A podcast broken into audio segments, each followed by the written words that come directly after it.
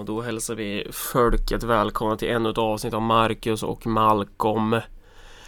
Vad... Eh, ja, finns det något av värde att säga i introt som inte rör eh, avsnittets ämne? Antar att det inte finns.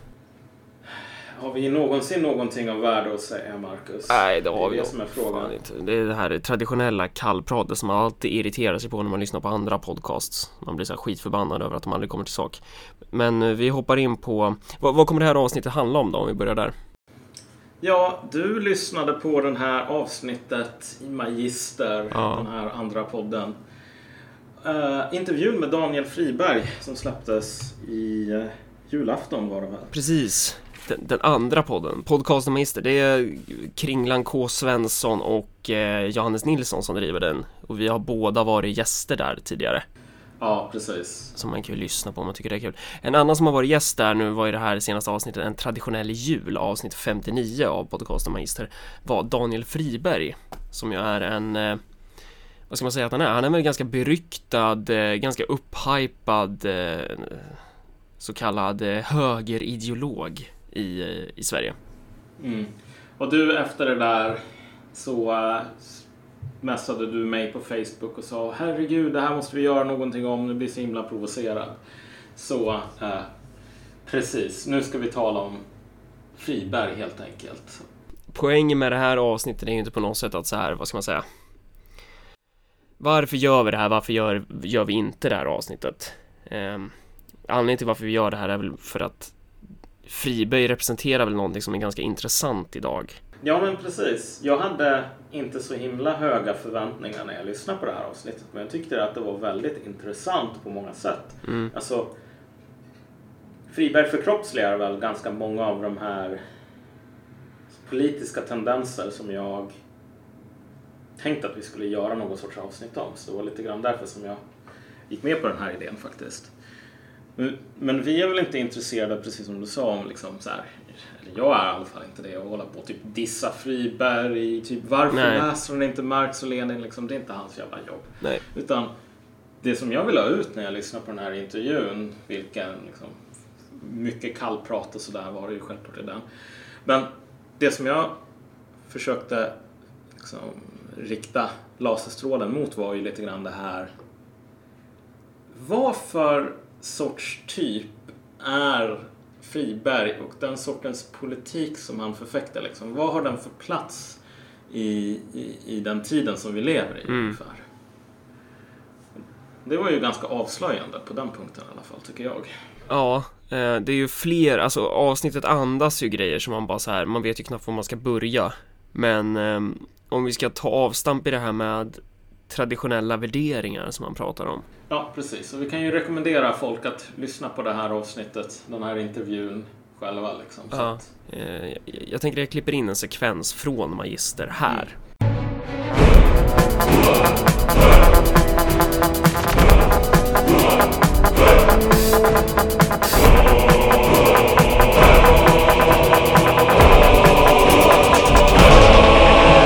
Jag tror väl att det har väl med min um, intellektuella kapacitet att göra. Att, uh, plus att det är lite spännande att, att uh, prata med en äkta högerradikal som inte är liksom politiskt korrekt och ja, allmänt töntig som, som många av era övriga gäster. Uh, huruvida man, man klassas som radikal eller inte, det, det, är ju, det handlar ju mer om vart mittfåran ligger för stunden. Historiskt sett så är mina åsikter mainstream. Alltså om man tittar på, på politiken under de senaste fem år, 500 åren till exempel. Så, 500 åren till exempel. Så, 500 åren till exempel. Så. Alltså om vi tittar på vad, vad Hollywood och den etablerade underhållningsindustrin har producerat som har varit mest framgångsrikt de senaste åren så har det just varit tv-serier som har varit exceptionellt traditionalistiska. Vi har Vikings, vi har Game of Thrones, vi har Sagan om ringen-trilogin uh, exempelvis. Fast jag, jag, jag, tänker med både, alltså det finns ju traditionell mm, bot, Vi- vi- vi- botten vi- i hela men Vi har ju tv-serien Rome till exempel som jag kan rekommendera för alla. Vi har uh, Spartacus. Ja, men eh, Rome, jag tyckte den var lite mer genuint att, att den faktiskt förmedlade en traditionell liksom, livsåskådning. Att, eh, att eh, personerna i den agerade på ett sätt man föreställer sig att riktiga romare agerade med sina hedersuppfattningar och sådär.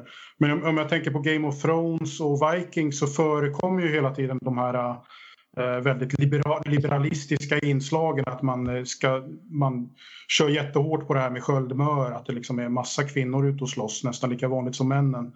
Och, eh, Jag tycker, jag tycker det överdriver, överdriver lite grann. Eh, där, jag menar så, så extremt vanligt förekommande är de ändå inte. Det, de är all, de har, alltså I Vikings så skildras de som en minoritet ändå, vilket jag tror kan vara hyfsat överensstämmande med verkligheten. Så, jag tycker det är att gå lite för långt att anklaga Vikings för att, eh, för att eh, propagera för liberala värderingar. Eh, Vad är de här traditionella värderingarna egentligen? Ja. Typ? Friberg har ju liksom allt det här bagaget som vi inte kommer att gå in på. Typ det här med eh, i grund och botten någon sorts biologisk syn på människan. Alltså så här, mänsklig kultur, allting sådant. Biologistisk syn. Ja, precis. Alltså, det, det är så här att vi, vi, vi är på ett visst sätt på grund av det här och den här arvsmassan från liksom, indoeuropeiska bla bla bla. Liksom, så. Ehm, det är ju ingenting nytt och jag menar han kör inte någon ny eller särskilt intressant take på det och det är bara så här typ vem bryr sig? Men den här eh, liksom när de kommer in på och ska diskutera den traditionella högerns liksom, om den har möjligheter att göra som vänstern och liksom marschera genom institutionerna, bygga mot hegemoni, bla bla bla sådär. Till slut så kommer de ju in på det här Game of Thrones och Vikings som exempel på Um... Som exempel på traditionella värderingar. Ja men exakt, Och alltså liksom in- så traditionell media typ, traditioner. Ja, och inte då bara som exempel på traditionella värderingar att det existerar i någon, någon form i Game of Thrones och, och Vikings typ, eller Sagan om ringen, utan eh, han lyfter fram det som exempel på att det finns en efterfrågan på de här så kallade traditionella värderingarna. Att, Mm. att de här serierna, ex, eh, anledningen till att de existerar och produceras beror på att så kallade traditionella värderingar är populära. Ja, precis. Och jag menar, Johannes Nilsson kom ju med den här invändningen om att ja, men det här är inte lite för mycket typ modern liberalism, Mm. ideologi i Vikings också för de har som en sköldmöar Mm. som håller på och springer runt och äh, bla bla bla sådär liksom, vilket inte är så jävla historiskt. Nu kommer ju folk bli jättesura på dig för att du säger att det inte fanns sköldmör och det är klart det fanns sköldmör liksom. Mm, Ja, det fanns det väl några typ. Ja, men, kanske inte i den äh, formen som Hollywood eh, vill, vill liksom eh, återskapa. Eh, alltså så här, Vikings, Game of Thrones, det är ju, det är ju fiktion. ja, Det är ju det som är poängen här. Det är ju inte historisk korrekthet eller vad man ska säga. jo men precis, men kolla i slutändan så här. Eh, känner du till Tila Tequila? Ja, Okej, Tila Tequila finns liksom. Det finns här lesbiska asiatiska tjejer i eh, eh, liksom allt högen sådär. Mm. Men jag tror att om någon om 200 år tänkte att det var vanligt med människor som Tila Tequila och gjorde ett reportage om allt högen mm, mm. där det sprang runt massor med Tila Tequilas liksom. Ja Det skulle inte ha så mycket med verkligheten att göra Nej. typ. Och jag menar, jag... Det intressanta är ju bara varför folk skulle bli så jävla arga på mig om jag nu säger att det inte fanns så himla många sköldmöar som sprang runt liksom. Mm. Ja, för det är väl det som händer när Johannes Nilsson eh, säger att när han tycker att det här är ju exempel på en liberal eh, ideologiproduktion, de här serierna typ. Alltså då reagerar Ja. ju Friberg med ungefär som en 12-årig science fiction-nörd som liksom eh, blir kritiserad eh, vid, vid julbordet typ av någon släkting. Att han, han, han verkar typ förnärmad. Att han tycker ju att så här, jo, det, de, Ja men typ Vikings är bra och Vikings det är inte bara massor med modern skräp utan det speglar ändå liksom hur det var ungefär. ja, Nej men, men, men så här, kolla. Det fanns säkert en del sköldmöar någonstans i Norden liksom, som höll på att slåss för 1300 år sedan det är inte det stora problemet. Det stora problemet med Vikings är ju att Vikings överlag Alltså du måste ju vara otroligt naiv på ett plan för att tro att alltså, här har du folk som på något plan speglar hur det såg ut. Liksom. Vilka värderingar och så vidare som rådde på den tiden. Jag menar, bara det här hur många skrivna källor finns det från 800-talet i Norden? Liksom? Det mesta som man liksom kan om vikingar det, det, det är ju antingen i arkeologiska fynd eller så är det såna här sagor som skrevs ner 600 år sedan ungefär efter att det är liksom händelserna mm. som sagan handlar om. Eller någon förskräckt arab som har varit på besök. Och sett ja, men, jo men precis. Alltså det är så här, möjligheten för Vikings, den serien. Mm. Att vara, spegla hur samhället såg ut på den tiden.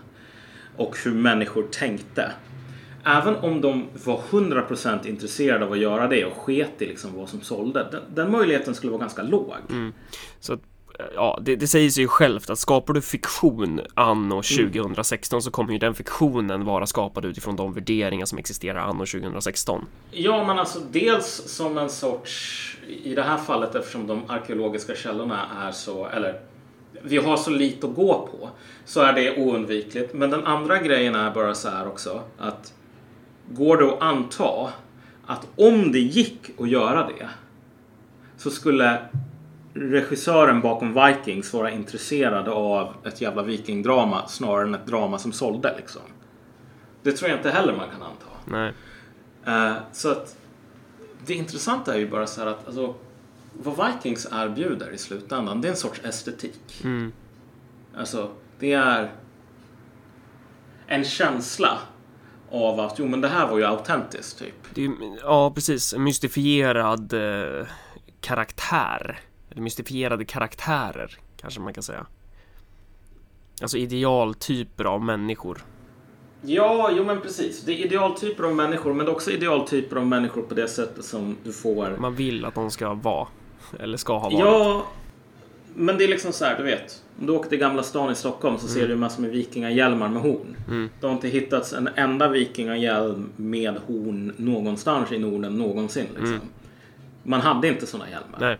Men det här är liksom It makes sense. För någon som bor i världen idag så är det ju självklart att vikingarna måste ha haft liksom hjälmar med horn på. Liksom. Mm, mm. Det passar ihop.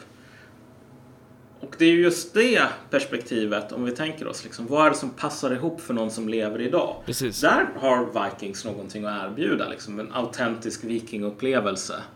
Precis, för, för, för, att han pratar ju också om hur han liksom på något sätt de här traditionella värderingarna, det är nästan som om jag kanske misstolkar honom här, men det låter ju som att han eh, att de här traditionella värderingarna har funnits i ungefär samma format i tusen år.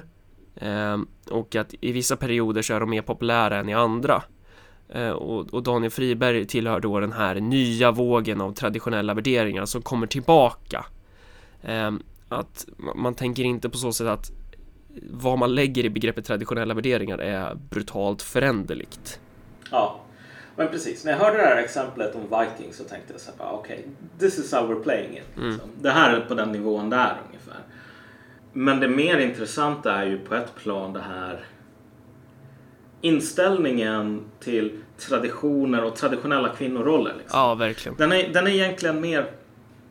Ja, exemplet Vikings är avslöjande för liksom ett sätt att tänka på som vi kommer att komma till lite senare i avsnittet. Men när det gäller det här traditionella kvinnorollen så tänker jag verkligen att här ser vi ett exempel på att Friberg är en person som inte sysslar med liksom, politik. Alltså, han sysslar med någonting annat men han, han håller inte på med politik. Han jobbar ju med det, han, det här begreppet som han så gärna vill sälja, metapolitik. Ja, att han är... Gud bevara mig. opinionsbildare är han ju. Nej, jag, jag, tycker, jag tycker att eh, dagis, det, det, det är en typisk modernistisk uppfinning för att kunna få ut så många som möjligt i arbetslivet. Att få ut alla kvinnor i arbetslivet för att det är viktigt. Det är viktigare för kvinnor att de jobbar inom fabriken, att de är hemma och tar hand om sina barn. Eh, fråga, frågan är vad som gör dem lyckligast, vad som gör dem mest frigjorda. Att, att stå på ett fabriksgolv eller sitta, sitta vid någon symaskin hela dagarna och jobba åt någon främling um, som glömmer bort dem i samma ögonblick som de går i pension eller att vara hemma och ta hand om sina barn.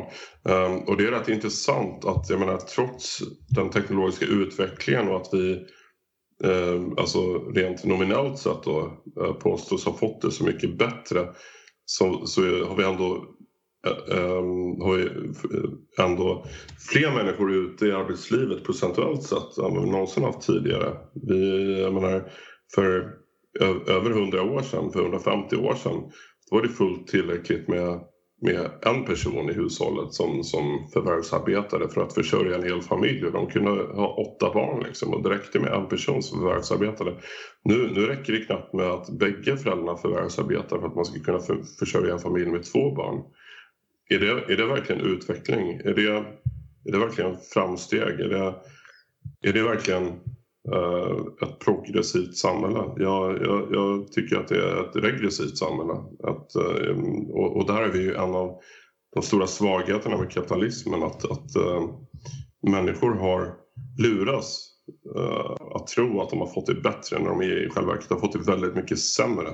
Um, på grund av att eh, teknologin medger att man, att man har lite schysstare teknikprylar och så vidare. Och, eh, man, man eh, sätter likhetstecken mellan det och välstånd när det faktiskt inte är ett ökat välstånd om man tittar på det i ren livskvalitet.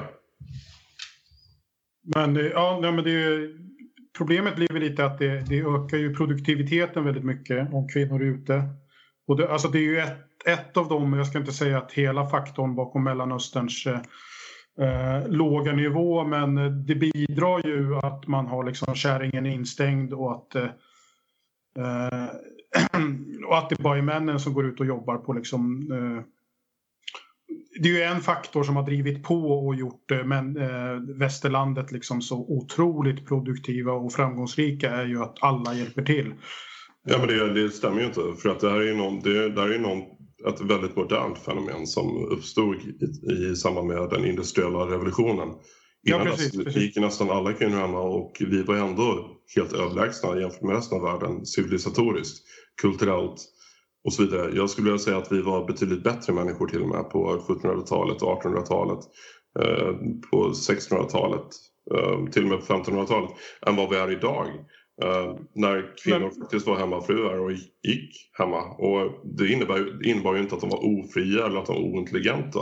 Uh, jag menar, jag själv en hel del hemmafruar i min familj i de äldre generationerna som är extremt intelligenta och belästa och som inte alls ångrar att de inte offrar sitt liv på att göra karriär i något meningslöst företag. Jag menar, hur attraktivt är det egentligen och hur fri är man egentligen att, att vara en del i, i det här ekorrhjulet? Jag menar, är, det inte, är man inte mer fri om man har möjlighet att spendera tid med en familj, att uppfostra barn, att forma eh, framtida liv som för ens arv vidare? Jag menar, det, det måste ju vara höjden av frihet och höjden av lycka i synnerhet för kvinnor.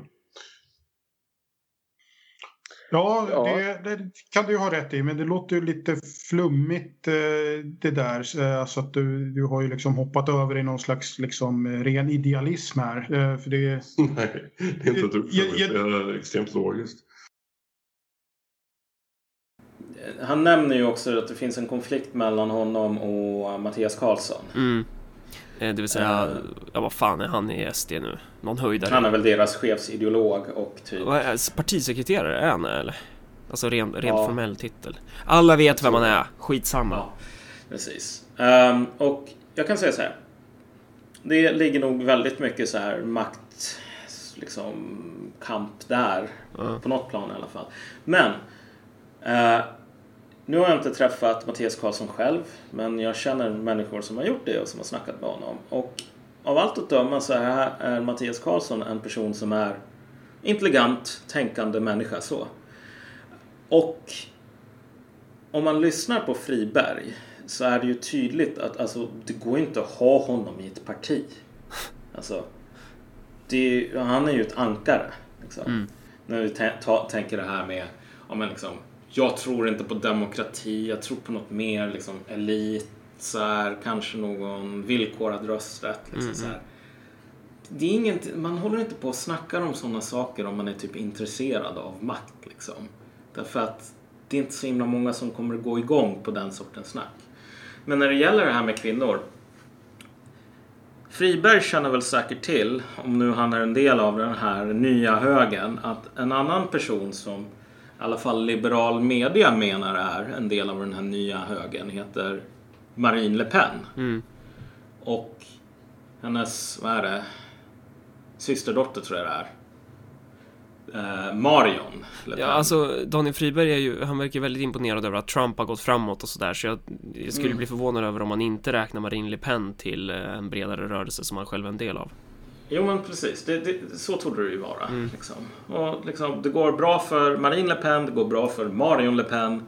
Eh, och han drar ju mycket eh, inspiration från många av de här franska identitärerna också. Mm. Uppger han själv. Saken är bara den att om vi tänker oss det som Friberg säger i den här intervjun. Kan du tänka dig honom ta, liksom, rynka på pannan eh, liksom, eller lägga pannan i väck. Stirra med stora ögon på Marine Le Pen och säga så här. Jag vet att du är en väldigt framgångsrik partiledare. Och du har otroligt goda chanser att bli den första kvinnliga presidenten i Frankrikes historia. Och jag vet att det går väldigt bra för dig och ditt parti. Ehm, och att liksom, ni går från storhet till storhet. Ja. Men har du inte tänkt på att det som du håller på med idag är egentligen bara alltså, någonting du har lurat i dig, själv att du vill göra. För egentligen så är ju du som kvinna där du egentligen är lycklig, det är att vara hemma. Typ. Mm. Jag menar, kan vi tänka oss vad liksom Marine Le Pens reaktion skulle vara på det ungefär? Det är typ... Men vem av oss är det som det går bra för här? Ja. Liksom? Så här. Du vet, alltså Friberg har ju inga jävla pall att stå på när det gäller att säga till någon som Marine Le Pen, liksom, du vet, gå tillbaks till köket. Liksom. Nej. Så här. Då kan hon säga, vet du vad, jag har för det. Mm. Och Ja men ja, och det gäller ju inte bara Marine Le Pen här utan Nej, det gäller ju, inte, det gäller all, alla kvinnor för att egentligen så här Vad vill Friberg? Vad är hans idealiserade idé om kvinnorollen? Eh, Alltså den här sortens människor som på riktigt anno 2016 pratar om eh, Det ligger i kvinnans, jag vet inte vad, nå, eh, själ kanske, att man vill tillbaka till köket det goda samhället är det samhället där kvinnorna är förpassade till hemmet. Var finns, alltså, var är egentligen möjligheten att kunna driva en sån politik på riktigt? Ja. Alltså, kan man, kan man ställa sig frågan så här, hur kommer det sig att kvinnorna överhuvudtaget inte står vid spisen längre? I den bemärkelsen som man så romantiskt, nostalgiskt hävdar ska ha skett tidigare. Ja men precis, det, liksom, det finns flera poänger här. Den Ja. första är ju bara att alltså, det är ju inte realistiskt. Du kan ju inte vinna val på en sån politik om inte det är så att kvinnor är ganska nära att inse liksom så här, oberoende. Det är inte alls så himla kul. Det är bara liksom falskt medvetande som judar har tutat i oss. Liksom. Mm. Jag tror inte den liksom, gryningen, den mentala liksom, soluppgången är att vänta. Nej, och det då skulle man ju kanske kunna svara med ett argument här från, från en viss sida. Att Jo, men det finns nog ganska många kvinnor som skulle må bra av att bli försörjda. Eh, men då, då krävs ju det att de har en man då som, jag menar, vad krävs det rent materiellt för att kunna ha att den ena i äktenskapet är hemma och inte arbetar? Det krävs ju att den andra då tjänar nästan dubbelt så mycket. Ja, ja, jo men precis. Men jag tror inte att Friberg tycker att det är något problem. Det är väl bara att, att liksom se till så att det blir lite arbetsmoral i det här landet och vi har en etnisk homogen liksom, fackförening, bla bla bla sådär. Men jag tror inte, det där är inte någonting som man hänger upp sig på. Nej men det är fortfarande, det är fortfarande en ganska viktig poäng eh, gällande just den här synen, för, för det är ju inte bara Friberg inom de här rörelserna som tycker att kvinnan ska tillbaka till spisen, utan det, det finns ju en poäng där i att, ja men vad- vad, krävs det av mannen då? då? Hur, hur många Ja. män har idag ett arbete där de har kapacitet att försörja eh, såväl sig själva som kvinnan? Alltså, vi är ju i ett läge då, då alla blir arslade på arbetsmarknaden, och spe, speciellt männen. Jo. jo, men så är det ju självklart. Det här är ju Jag menar, men vi talar bredvid, förbi varandra på ett Okej, plan, mm. liksom. Jag menar, för visst, alltså det första man kan kritisera den här sortens snack för är ju att det inte är realistiskt. Liksom. Ja. Det är, det, I ett läge där kvinnor har rösträtt så kommer de... Du gör bara massor med jävla besvär för dig själv om du säger att kvinnor borde kanske inte ha rösträtt. Ja. Liksom. Eller kvinnor borde kanske inte hålla på med politik eller med liksom så här manliga grejer. Men den andra biten är ju så här... Hur ser den här idyllen ut i praktiken? Liksom? Alltså, hur skulle den här sociala verkligheten faktiskt arta sig? Ja, hur implementerar man det? Ja, men, alltså implementeringsfrågor är ju bara så här. Det är en sak. Liksom. Ja. Eh, och där är det ju det är svårt att komma till en punkt där man kan implementera det här. Men låt oss anta, låt oss anta att vi faktiskt gjorde det. Alltså, det som slår en med mycket sån här traditionalism är ju hur, på samma sätt som Vikings, liksom, när man kollar på Vikings för att få, få reda på hur eh, Hur det var på 1800-talet typ. Ja, då kollar man typ på Mad Men för att få reda på traditionella kvinnoroller. Mycket handlar om estetiken och väldigt lite handlar om eh, en grundläggande förståelse för vad det här skulle innebära i praktiken. Alltså, jag kan ta ett konkret exempel. Jag vet inte om du känner till den här Radix, eh, den Jo, sidan. Han har ju varit mycket i nyheterna, han Spencer, Richard Spencer. Uh, men Radix och liksom den miljön, den här althögern i, i USA främst, hade en gång i tiden en person vars namn jag inte kommer ihåg riktigt. Hon heter Jeanette någonting. Så här, althögerns, den amerikanska althögerns svar på Kajsa Ekis Ekman faktiskt. De ser lite lika varandra ut till och med. Ehm, och på Radix så höll man på att tala, posta massor med sådana här artiklar om så här, vad vill kvinnan, typ vad är kvinnan gjord för och så vidare. Och så, så kommer hon, Chanel tror jag, tror hon hette. Um, och så säger de, skriver hon en sån här artikel som är att okej, i den här miljön så finns det i princip inga kvinnor. Det finns ett par. Uh, och liksom ingen verkar bry sig om varför det är så. Och så försökte hon förklara liksom att okej, men om du håller på att tala om kvinnor som så här djur ungefär. Liksom, vad vill den här katten? Typ. Få kvinnor kommer att vara intresserade. Etc, etc. Men om du håller på att tala också om så här folk ska vara barfota och gravida. Det är liksom ganska många kvinnor som inte tycker det är intressant. Och det här blev en jävla gigantisk shitstorm.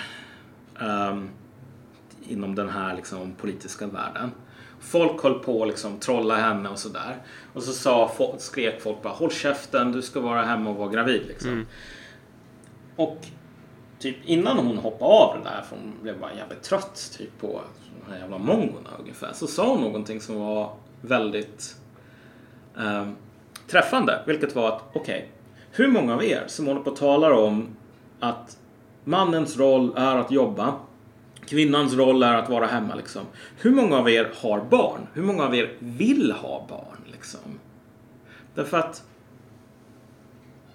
i slutändan så i den här miljön, jättemånga människor som håller på och talar om så här, kvinnor borde föda barn, det är vad de är till för. Men hur många vill vara hemma? Eller liksom, hur många vill vara ansvara för typ en barnakull på sju barn? Alltså, det är jävligt mycket jobb. Den viktigaste poängen hon sa var väl ändå så här hur många av er har överhuvudtaget ett arbete där ni kan försörja familjen utifrån Ja, ja, den visst, här okej. synen på idealfamiljen. Varav majoriteten inte kan det givetvis. Det är så hon också, men jag tycker alltså det är egentligen en mindre viktig poäng. Därför att så här. Den värre poängen är ju bara att om ni hade så mycket pengar, skulle ni vilja ha sex barn liksom? Skulle ni vilja ha en barfota hemma för, som ni behöver ta ansvar för? Och typ, hon sa ju bara så här att alltså, för de kvinnorna i rörelsen som jag snackar med, liksom så här, vita nationalistiska kvinnor. Det är ju, alla säger ju mer eller mindre att det, det, det är typ omöjligt att få folk och liksom, eh, eh, vad fan heter det liksom? typ ta ansvar. Mm. Liksom, det är omöjligt att få folk liksom, ja men okej nu ska vi ha barn typ. Mm. Alltså det går inte att få folk till det. Så att du har liksom en miljö där människor sitter, ja men de lever ungefär som jag i någon jävla etta och håller på att posta memes liksom. Och så säger de, ja men så här, kvinnor, de borde föda barn. Riktig kvinna har sju barn liksom. Det är jävligt enkelt att sitta bakom tangentbordet och göra det. Och det är ju någonting som man vill ha när man håller på och typ trolla sådär när man skanderar att det är den världen man vill ha. Men det är ju inte den världen man vill ha i praktiken liksom. Nej. Det här är en sorts... Det är ett uttryck Fantasi. för någonting. Ja, precis. Det är ett falskt uttryck för någonting annat kanske. Ja men exakt. Alltså det här är, det här är en sorts... ehm, Fetisch. ja men precis. Alltså, jag vet inte om du känner till, du vet Zizek, Slavoj Zizek håller på och snackar om den här Lacan psykoanalys. Ja, Men inom den så finns det en, ett begrepp som heter objekt petit A tror jag. Aha. Vilket är liksom det som du åtrår. Ja. Någonting som du verkligen liksom begär. Mm. Men som du inte kan få utan att liksom begäret i, sin, liksom, i sig går förvandlas till en jävla mardröm typ. Mm. Ehm, jag menar om du tänker dig de flesta så här kinky sexuella drömmar liksom. Mm. Så här våldtäktsfantasier och sånt. Ja men typ många sådana är ju Mm. verkligen så. Att så här, det som du vill ha är ju inte våldtäkten liksom. Nej. Utan det här är bara någonting som du målar upp begäret på. Mm. Vad du egentligen vill ha är begäret självt. Mm. Liksom. Och på samma sätt så den här traditionen, liksom det här traditionella levandet. Om vi bara bortser från alla tekniska och praktiska och politiska problem. Så är det här i slutändan någonting som ofta har funktionen av liksom en dröm. Ja. En, en, en, en, en projiceringsduk typ. Mm. För massor med osäkerheter och liksom önskemål och så vidare. Och sen om vi återgår till just den här materiella möjligheten. Och sån här, om vi tänk, tänker den här idealiserade bilden av att kvinnor har kunnat vara hem, hemmafruar. Mm. När i historien har det skett? Under vissa perioder i historien har ju det här varit möjligt för eh, härskande klasser. Det har i princip aldrig skett för arbetande klasser att majoriteten av kvinnorna i samhället har haft möjligheten att, att inte arbeta. Har de varit hemma så har ju det inneburit att då har de ju fått göra en jävla massa helvetes jobb hemma då. Ja, exakt. Men just den här idén om, om eh, vad ska man säga, den här typ fri, ja men, Hollywoodfrun liksom. ja, exakt. Det är ju det är ju en, det är ganska modern, eller det, det är ganska unikt fenomen som, som ens möjliggör att de här människorna kan bli frigjorda från arbete, att, att de på något sätt ehm, för, för det som slår mig när Daniel Friberg snackar i, i, Magister är ju att han påminner ganska mycket om vissa så här vänsterhippies, så här, de som håller på och snackar om så här, ja men fritidslinjen, i framtiden kommer vi ha massa robotar, så här, kommunismen, ingen kommer behöva arbeta, så här, fullkomlig idioti. Alltså, han påminner ju om det. Alltså när han pratar om så här kvinnor, han målar upp det som om det skulle vara typ fria val. Skulle inte kvinnor må mycket bättre av att kunna vara hemma med barnen och slippa jobba så mycket? Alltså han låter ju som en så här fritidslinjeförespråkare typ. Um, och, och det där är ju idéer som, eh, som, som springer ur ideal, som springer ur väldigt unika historiska fenomen. Ja, jo men så är det ju självklart. Alltså, men jag tänker, nu när du håller på att snacka, det var nog en, en, ett infall som jag fick som Mm. jag tror är ganska... Alltså, nu, nu ska man inte hålla på och försöka med den här liksom amatörpsykoanalys liksom på ett avstånd av 50 mil. Nej. Men jag tror så här, när, när jag sitter och lyssnar på Friberg, hur han beskriver den här liksom, riktiga kvinnorollen. Mm. Då blir det ju ofta den här liksom, betoningen på alla de här mjuka bitarna, liksom så här känslor och Mm. Du vet, de, de, de, de har så mycket empati och bla bla bla. Liksom så här, sitta hemma och ta hand om barnen. Eh, men om vi tänker oss här på medeltiden. Mm. När du håller på med subsistensjordbruk, då är det inte så jävla mycket att sitta hemma och ta hand om barnen. Typ. Alla måste jobba aset av sig liksom. När barnen är sju år gamla så börjar de också jobba på bondgården. Ja. Så, så det är inte direkt så att man sitter hemma och läser sagoböcker. Som Fribergs mamma kanske gjorde för honom.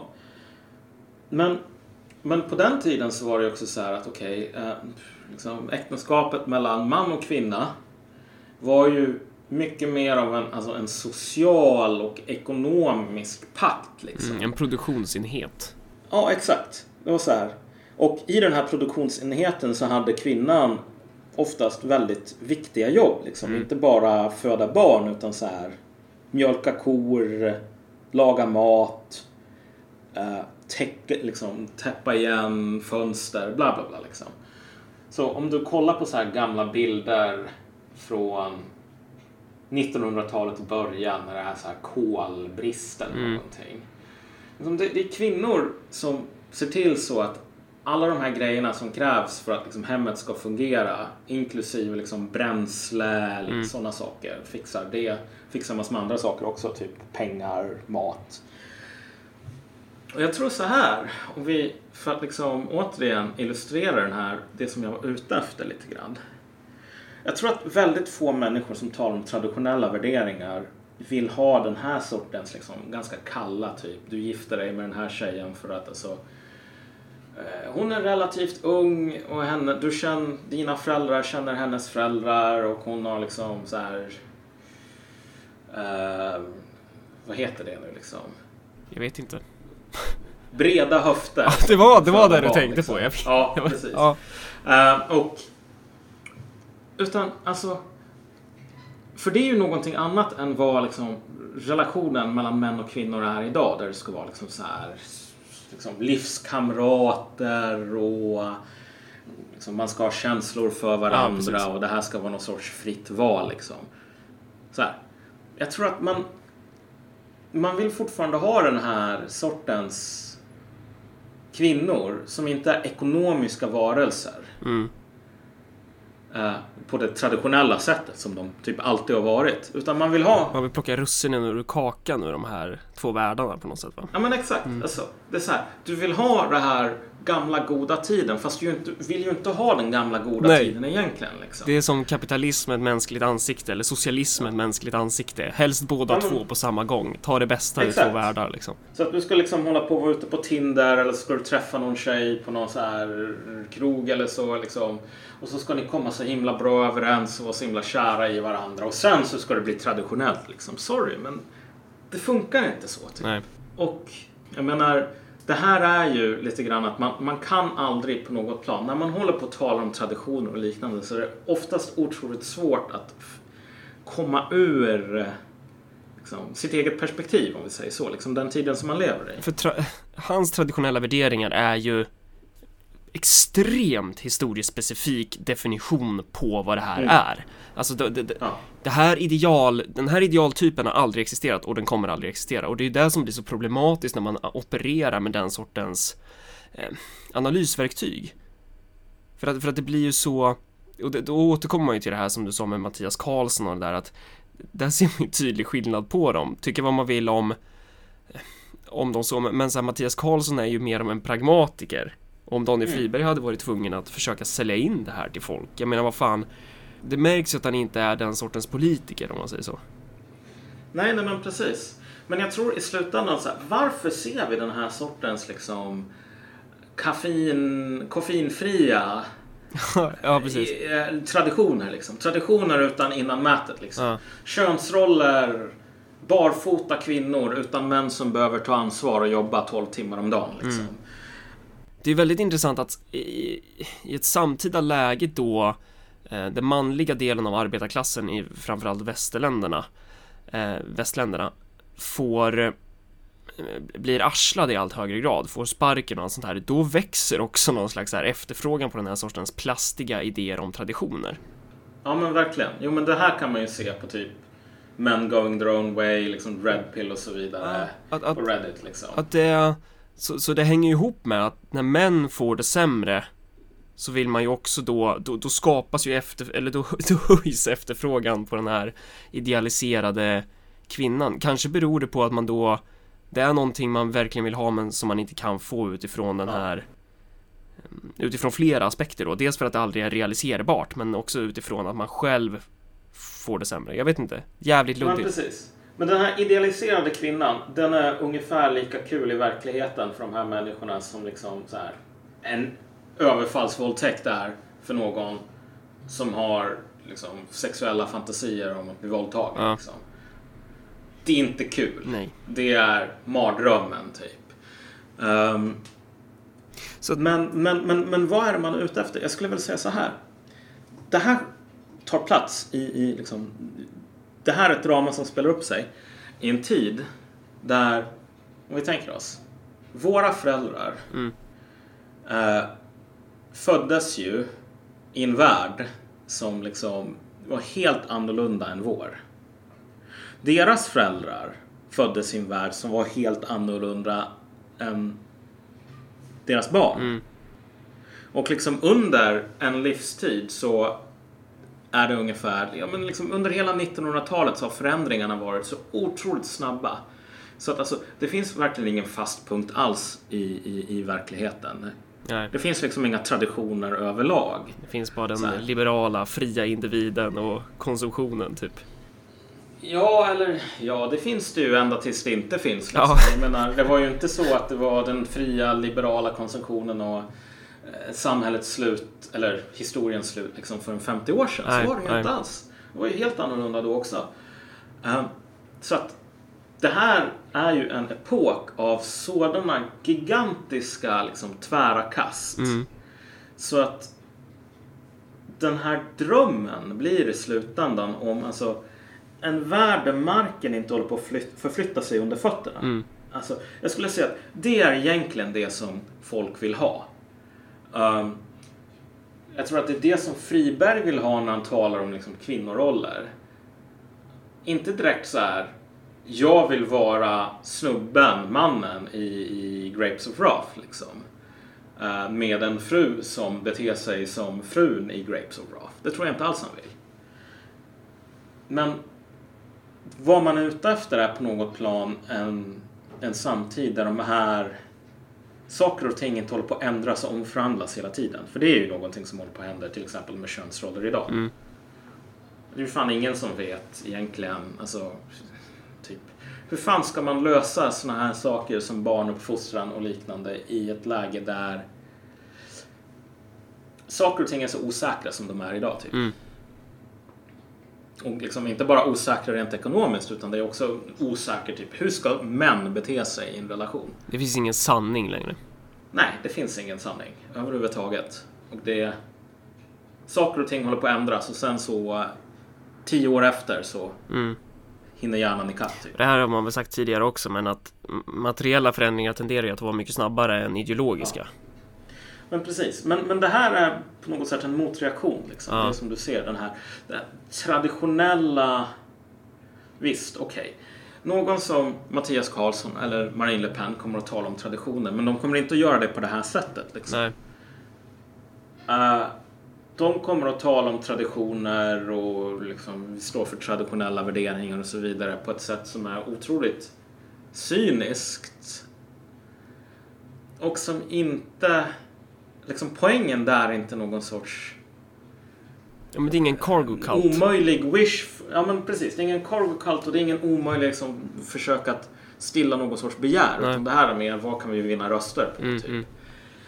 Ehm, men det här begäret i sig, det är ju ingenting som vi bara ser hos Friberg. Nej, verkligen liksom. inte. Alltså, det, jag, tycker, jag tycker det finns jättemycket likheter med eh, folk som är så här folkhemsnostalgiska. Som Ja. romantiserar idealtypen Sverige på 60-talet. Olof Palme, detta radikala helgon. Och all, allt det här liksom att på den tiden då var det minsann frid och fröjd, åh vad bra allting var. Vilket det ju givetvis inte var. Eh, men att man, om man tittar på en stol så kan man stå om vi säger att det är fyra personer som tittar på den här stolen från fyra olika håll så kommer de kommer se samma stol men de kommer se fyra olika perspektiv av den stolen. Och Mm. att Friberg kanske representerar ett av de här perspektiven när han tittar tillbaka på hur det har varit och när han ska definiera vad som är traditionella värderingar. Mm. Och, och när det var bra och varför det var så. För han ser ju bara en del av den här. Medans någon annan, eh, jag vet inte, Göran Greider kanske titta från ett annat perspektiv. Men eh, båda drömmer. De drömmer om, om, om en tid då deras idealiserade bilder av den här tiden ska, ska liksom bli den fast, alltså ska bli evighet typ. Ja, Greider var ju han levde ju under den tiden som man talar om på ett plan. Så på något plan är den kanske inte lika idealiserad som många så här 20 år. Nej, ja, men, men, men, men man fattar ju poäng, poängen. Alltså. För att han har ju fortfarande en extremt idealistisk syn på folkhemsbygget. Jag skulle vilja säga att synen om den punkten där man kan anklaga honom för att vara idealistisk är ju liksom bara så här, men hur, hur liksom föll vi från den här Ja, lustgården typ? Precis, det, det, det, är ju inte så här en förklaring. Vi har ju gjort ett avsnitt om reformism som man kan lyssna på, men eh, Precis, det, det, blir ju sagan om uppgång och fall. Det blir ja, en felaktig precis. förklaring till varför saker och ting förändras. Det är en Det är ju en rädsla, eller så här, det är en oförståelse för samhällsförändring. Det är på nog, jag tror så här, på ett plan.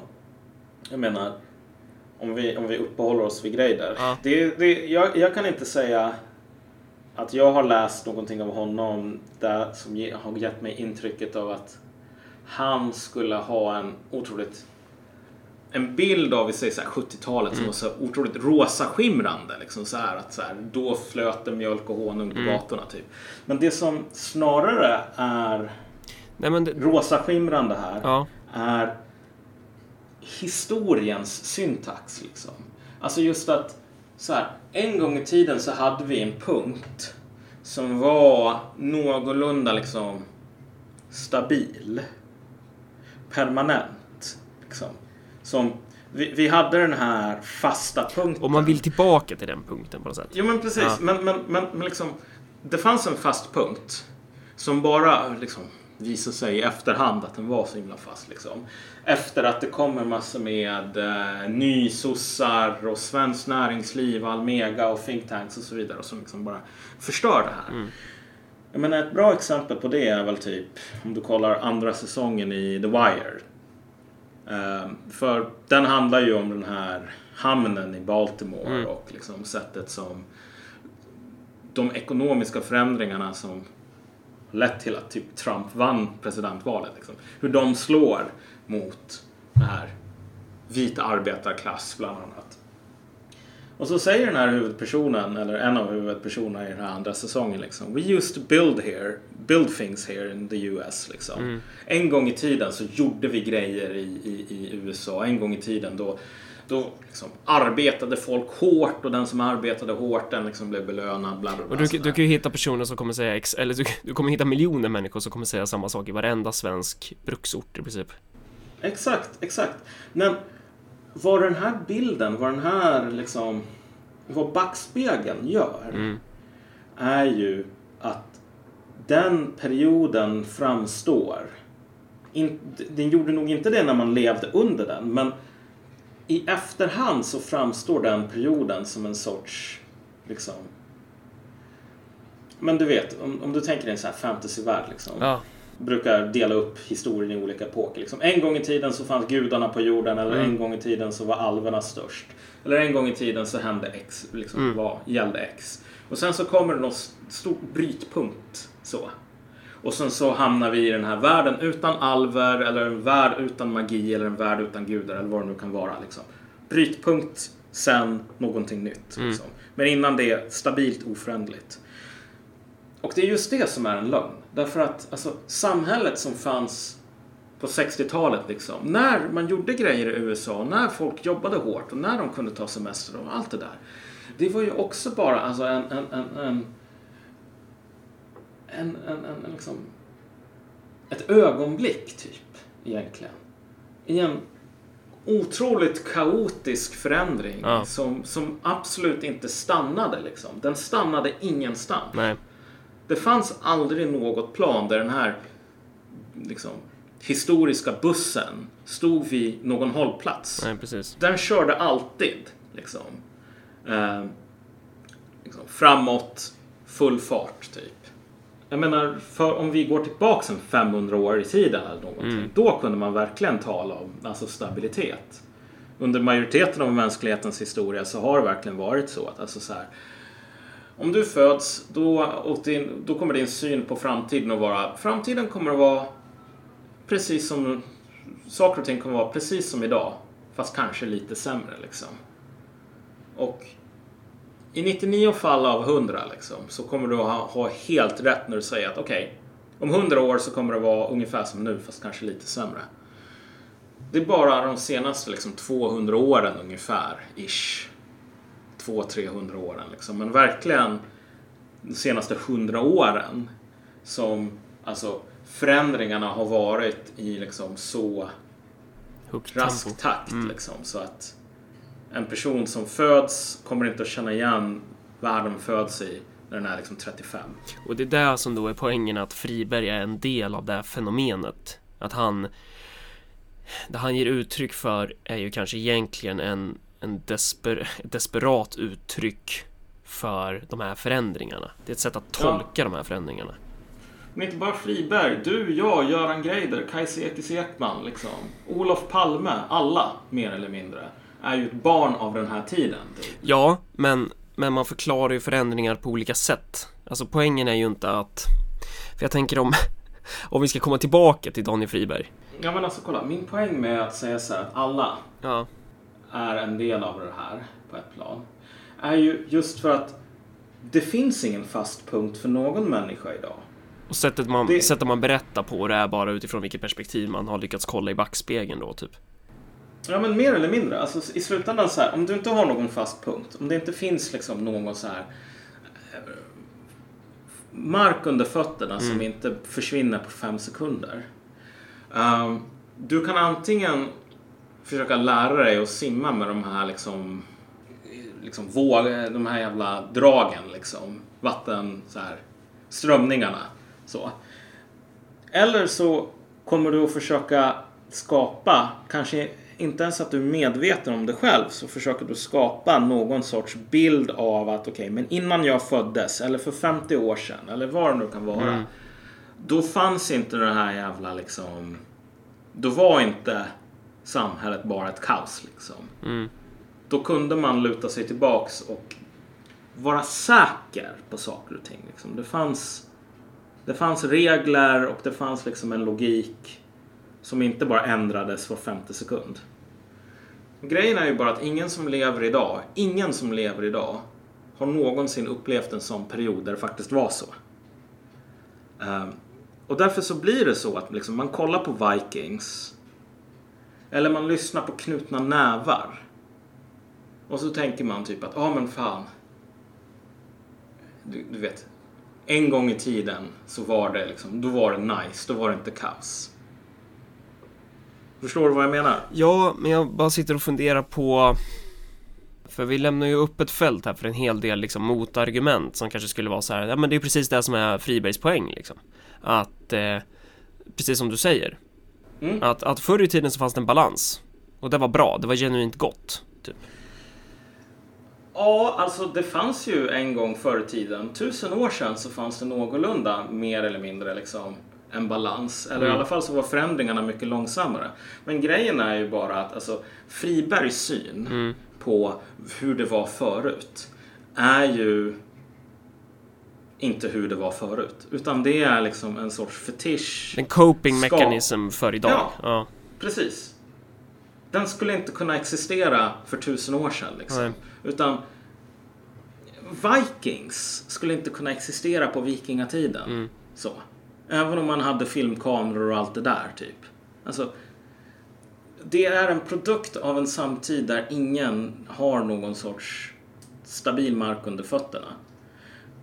Och de här drömmarna om hur det är att ha stabil mark under fötterna är liksom de har ingenting med verkligheten att göra. Ofta på ett sånt här plan så att det skulle vara riktigt hemskt om det faktiskt blev så. Liksom. Alltså, man tänker sig i ett läge där det inte finns bra, ja men typ ta det här med liksom mäns situation. Så här, allt höger män, uh, folk på R9 och K, Wizardson och så vidare. Så här. Hur, hur ser läget ut idag? Det är skitsvårt att få ett bra jobb typ. det är skitsvårt, även om du har ett bra jobb, ens att veta liksom typ hur du ska bete dig, vad som är så här, den autentiska mansrollen eller vad man nu ska säga. Liksom. Den, den, den, den, det som är bra. Och det, det, liksom, det, det finns i ögonvrån en sån här förrädiskt lockande bild av att ja, men så här, för 30 år sedan då skulle jag kunna då skulle inte jag behöva ha all den här ångesten över förändring. Liksom. Eh, och därför så blir man, man kollar på typ Mad Men eller någonting och så tänker man ja men jag skulle vilja ha en sån där fru eller jag skulle vilja ha en fru som typ bejakar sin inre kvinnlighet genom att sitta och typ virka så här. Men det, liksom, det är inte så jävla kul att ha en fru som bara sitter hemma och virkar. Nej. Och sen så ger det väl Inte också upphov till eh, till att så här såna här jävla muppar kan typ ta massa anabola steroider, posera med ett stort tvåhandsvärd och säga att kolla, jag är, jag är den stereotypiska mannen. Ja, ja, jo men, jo men precis. Alltså The Golden One Ja, är ju väldigt fascinerande här. För det är honom som du menar antar jag. ja bland annat. Att det finns liksom den, eh, det fenomenet. Jo men precis, men kolla. Jag tror så här, om du ställer honom mot väggen så tror jag till och med The Golden One skulle erkänna att alltså, så här, du och jag har rätt och det här är det som han håller på med. Han försöker hitta en stabil punkt i tillvaron. I en tillvaro som inte har några stabila punkter längre. Liksom. Ehm, och då, det gör han genom att ta anabola och typ spela så här Total War Han kanske på YouTube. ta, vet vi att han gör det? Det vet vi ju inte. Ja, kanske vi blir stämda för har- förtal. Ja, ja, men, ja, han gör det. Han gör det. Okej, du, du är säker på det här? Ja. Är det, är det alfa att göra det? Att ta... Alltså, ja, du, vem vet liksom. Det är så här, de här sakerna försöker man liksom förhandla fram. Liksom. You make it up as you go. Men, men vi, liksom, vi lever verkligen i en tid där, som sagt, fel sätt att tänka på Friberg till exempel är som någon sån här allvarlig liksom, politiker. Han kommer att ta över etc. Mm, etc. Typ. Jag menar så här, nej, nej, bara nej. liksom. Nej, det kommer han inte att göra. Och det kommer inte folk på motpol heller att göra så här. Därför att om du vill hålla på med politik. Jag menar, det här är verkligen grundläggande nivå. Men håll inte på sig liksom att 50% av alla väljare ska sitta hemma och att vi kanske borde ha en mer elitistisk demokrati där folk inte håller på att rösta från massdemokrati. Det blir bara fel. Liksom så här. Du vet, man håller inte på så typ. Eh, men vad han är, är ju någon form av ideolog. Inte en sån sorts ideolog som Mattias Karlsson liksom. Som försöker staka ut någon sorts väg, försöker förklara rättfärdiga maktanspråk. Mm.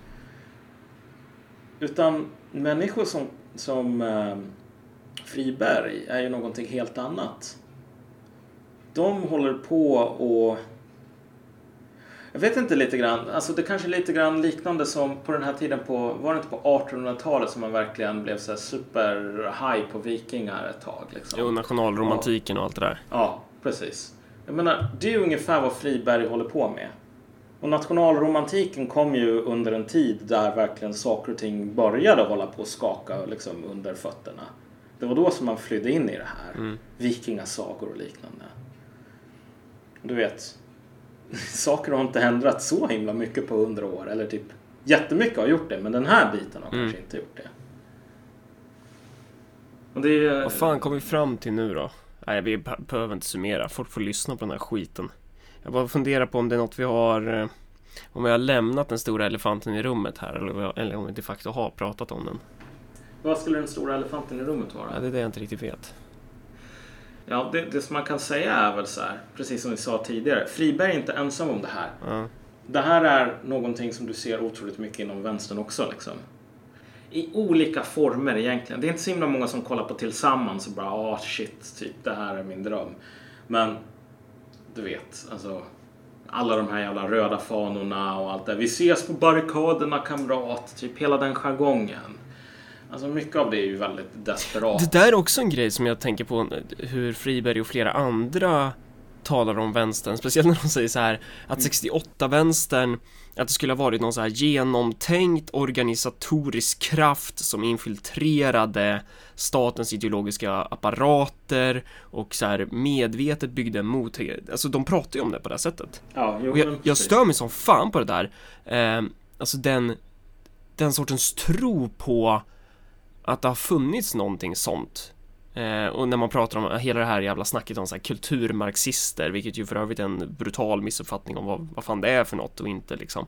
Men och att man då Dels har man då en idealiserad syn på att det här ska ha ägt rum rent historiskt och inte bara det, man tänker att man ska göra någon liknande variant idag. Mm. Att, att det, bara den grejen att så här, man, man tror att förändringar är inte någonting materiellt. Man, man kan styra förändringar genom att styra tanken. Hela det jävla flummet. Ja, ja, men alltså, men återigen, Friberg är ju inte ensam om det här. Nej, men, men Liksom, varför är det så här att oj, typ så här, asylsökande våldtar en rullstolsbunden kvinna Ja. på Gotland. Ja. Så här, Fi Vänsterpartiet ordnar en demonstration mot rasism. Liksom. Man har på samma sätt liksom det här fetischistiska behovet av, alltså vad var det som Aftonbladet skrev eh, ehm, i samband med den här senaste liksom, terrorattacken? Den här snubben som körde in en jävla lastbil i julmarknaden Vet i. Berlin. Då ska vi se. Aftonbladet skrev så här. Som en liksom, skänk från ovan till främlingsfientliga. Liksom, tror jag. Någon sån artikel. Någon sån rubrik som de ändrade jävligt snabbt sen. Men liksom så här. Sorry, men jag tror fan inte att det är typ Kent Ekeroth som har beställt det här. Liksom. Det är inte direkt så att så fort någonting händer, liksom, jag vet inte vad, asylsökande eh, eh, ungdomar tafsar någon, på någon tjej på något badhus. Liksom så här. Att det här är någonting som, vi måste hitta den här allsmäktiga eh, rasisten, fascisten, identitären som håller på att dra i marionettrådarna. Liksom. Mm. Men behovet finns ju där hela tiden. Det är så här att liksom, man kan bara föreställa sig till exempel att det finns här konflikter folk emellan i ett samhälle om det är en rasist som varit och spridit den här idén om att konflikterna borde finnas. Och så, så fort man bekämpar rasisterna då kommer de här konflikterna inte att finnas för det kommer inte att finnas någon människa som sprider dåliga idéer. precis, det hela är bara på ett idémässigt plan. Ja. Det finns inga motsättningar och så vidare. Men det, det, det är ju den synen som folk har på den sidan Ja. den politiska skalan. Liksom. Det borde väl inte vara så himla förvånande egentligen att Daniel Friberg tänker att allting som händer i samhället måste förklaras av att det är någon jävla kulturmarxist som Nej, det är inte förvånande. Absolut inte. Men jag tycker att... Ja men det är provocerande. Det är, jätte, det är sjukt liksom. provocerande Men- för, att, för att de är ju inte ens, alltså det, det är ju flera som är på det där sättet, alltså 68-vänstern, då då opererade man målmedvetet efter Gramscis teorier och så bara infiltrerar man staten och så tog man över det och så man bara Va? Va? Ja. Liksom, ja, nej, skitsamma, vi ska, vi ska inte haka upp Ja. oss vid det där Nu har vi eh, suttit och pratat om det här i snart en timme Ja, precis. Vi, vi, sätter, vi sätter punkt för stunden i den här diskussionen i alla fall. Kanske återkommer till några bitar i den någon gång framöver. Ja, ska vi se när jag Eh. lyssnar igenom det här vad vi sa fel och inte. Det är ju en klassiker att jag i efterhand när jag klipper de här avsnitten hittar jättemycket grejer som vi, som vi säger fel. Och så blir jag jätteirriterad på att jag inte tänkte på det när vi, när vi körde, när vi, när vi väl spelade in. Så till exempel så sa jag att eh, eh, huvudpersonen i Assassin's Creed 2 Ja. eh, hette Enzo. Det gör han ju inte, han heter ju Ezio. Nej. Jag trycker på stopp här. Har du tryckt på stopp? Varför då? Nej, jag trycker på stopp här nu. Nej, gör inte det än. Vi är, inte, Okej. vi är inte klara än. Vi ska ju säga hej då. Ja, ja, okej. Eh, Ja. vi ska, du, kan ju inte, du kan ju inte bara hoppa ur sådär. Det, det går ju inte. Eh, vad, vad ska vi säga? Vi ska säga så här, vi ska sprida avsnittet. Ska man göra. Eh, sprid det här avsnittet så vi får fler lyssnare, då blir det bra. Man kan också skänka en gåva via Swish på 0790 10 0790 10 72 23 eh, och eh, man kan signa upp sig på våran Patreon också. Gör det, då blir det asbra. Finns det något mer man vill tillägga Malcolm? Ja, vi får önska alla lyssnare en, ett gott nytt år och god fortsättning också. just det. Åh, fy fan. Åh, hej! Tack så mycket. Trevligt att vara med.